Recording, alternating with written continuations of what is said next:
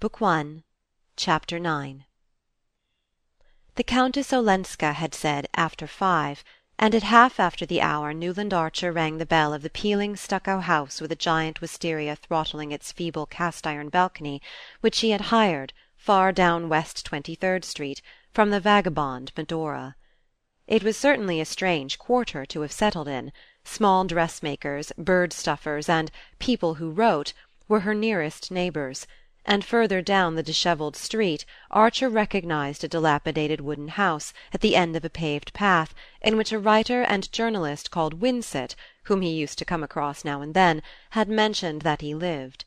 Winsett did not invite people to his house, but he had once pointed it out to Archer in the course of a nocturnal stroll and the latter had asked himself, with a little shiver, if the humanities were so meanly housed in other capitals. Madame Olenska's own dwelling was redeemed from the same appearance only by a little more paint about the window frames; and as Archer mustered its modest front he said to himself that the Polish Count must have robbed her of her fortune as well as of her illusions. The young man had spent an unsatisfactory day. He had lunched with the Wellands, hoping afterward to carry off May for a walk in the Park.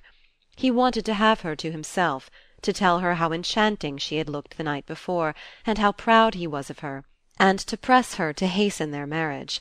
But Mrs. Welland had firmly reminded him that the round of family visits was not half over, and when he hinted at advancing the date of the wedding, had raised reproachful eyebrows and sighed out: "Twelve dozen of everything hand embroidered!" Packed in the family landau they rolled from one tribal doorstep to another, and Archer, when the afternoon's round was over, parted from his betrothed with the feeling that he had been shown off like a wild animal cunningly trapped. He supposed that his readings in anthropology caused him to take such a coarse view of what was, after all, a simple and natural demonstration of family feeling but when he remembered that the Wellands did not expect the wedding to take place till the following autumn, and pictured what his life would be till then, a dampness fell upon his spirit.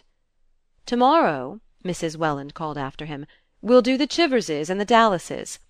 And he perceived that she was going through their two families alphabetically, and that they were only in the first quarter of the alphabet.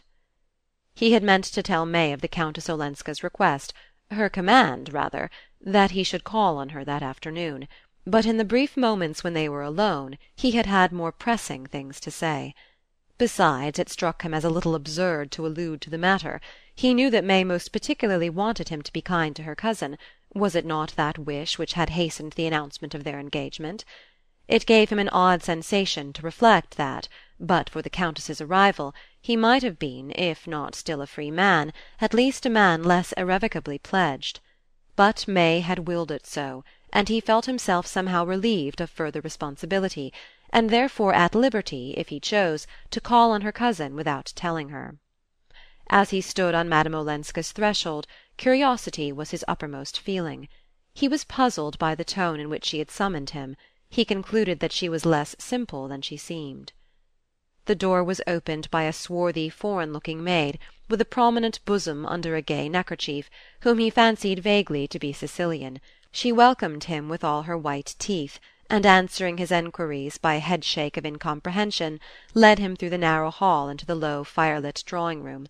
The room was empty and she left him, for an appreciable time, to wonder whether she had gone to find her mistress or whether she had not understood what he was there for, and thought it might be to wind the clock, of which he perceived that the only visible specimen had stopped. He knew that the southern races communicated with each other in the language of pantomime, and was mortified to find her shrugs and smiles so unintelligible. At length she returned with a lamp and Archer, having meanwhile put together a phrase out of Dante and Petrarch, evoked the answer La signora è fuori, ma verrà subito which he took to mean She's out, but you'll soon see. What he saw meanwhile with the help of the lamp was the faded shadowy charm of a room unlike any room he had known. He knew that the Countess Olenska had brought some of her possessions with her bits of wreckage, she called them and these, he supposed, were represented by some small slender tables of dark wood, a delicate little Greek bronze on the chimney-piece, and a stretch of red damask nailed on the discoloured wall-paper behind a couple of Italian-looking pictures in old frames. Newland Archer prided himself on his knowledge of Italian art. His boyhood had been saturated with Ruskin, and he had read all the latest books John Addington Symonds, Vernon Lee's Euphorion, the essays of P. G. Hamerton, and a wonderful new volume called The Renaissance, by Walter Pater. He talked easily of Botticelli, and spoke of Fra Angelico with a faint condescension. But these pictures bewildered him, for they were like nothing that he was accustomed to look at, and therefore able to see, when he travelled in Italy. And perhaps also his powers of observation were impaired by the oddness of finding himself in this strange empty house, where apparently no one expected him. He was sorry he had not told May Welland of Countess Olenska's request, and a little disturbed by the thought that his betrothed might come in to see her cousin. What would she think if she found him sitting there with the air of intimacy implied by waiting alone in the dusk at a lady's fireside? But since he had come he meant to wait, and he sank into a chair and stretched his feet to the logs. It was odd to have summoned him in that way and then forgotten him, but Archer felt more curious than mortified. The atmosphere of the room was so different from any he had ever breathed that self consciousness vanished in the sense of adventure.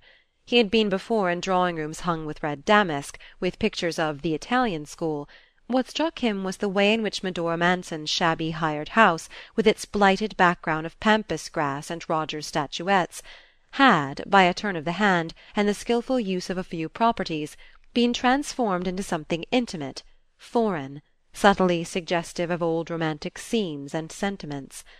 He tried to analyze the trick, to find a clue to it in the way the chairs and tables were grouped, in the fact that only two Jacqueminot roses, of which nobody ever bought less than a dozen, had been placed in the slender vase at his elbow, and in the vague pervading perfume that was not what one put on handkerchiefs, but rather like the scent of some far-off bazaar, a smell made up of Turkish coffee and ambergris and dried roses. His mind wandered away to the question of what May's drawing room would look like. He knew that Mr. Welland, who was behaving very handsomely, already had his eye on a newly built house in East Thirty ninth Street. The neighbourhood was thought remote, and the house was built in a ghastly greenish yellow stone that the younger architects were beginning to employ as a protest against the brownstone of which the uniform hue coated New York like a cold chocolate sauce. But the plumbing was perfect.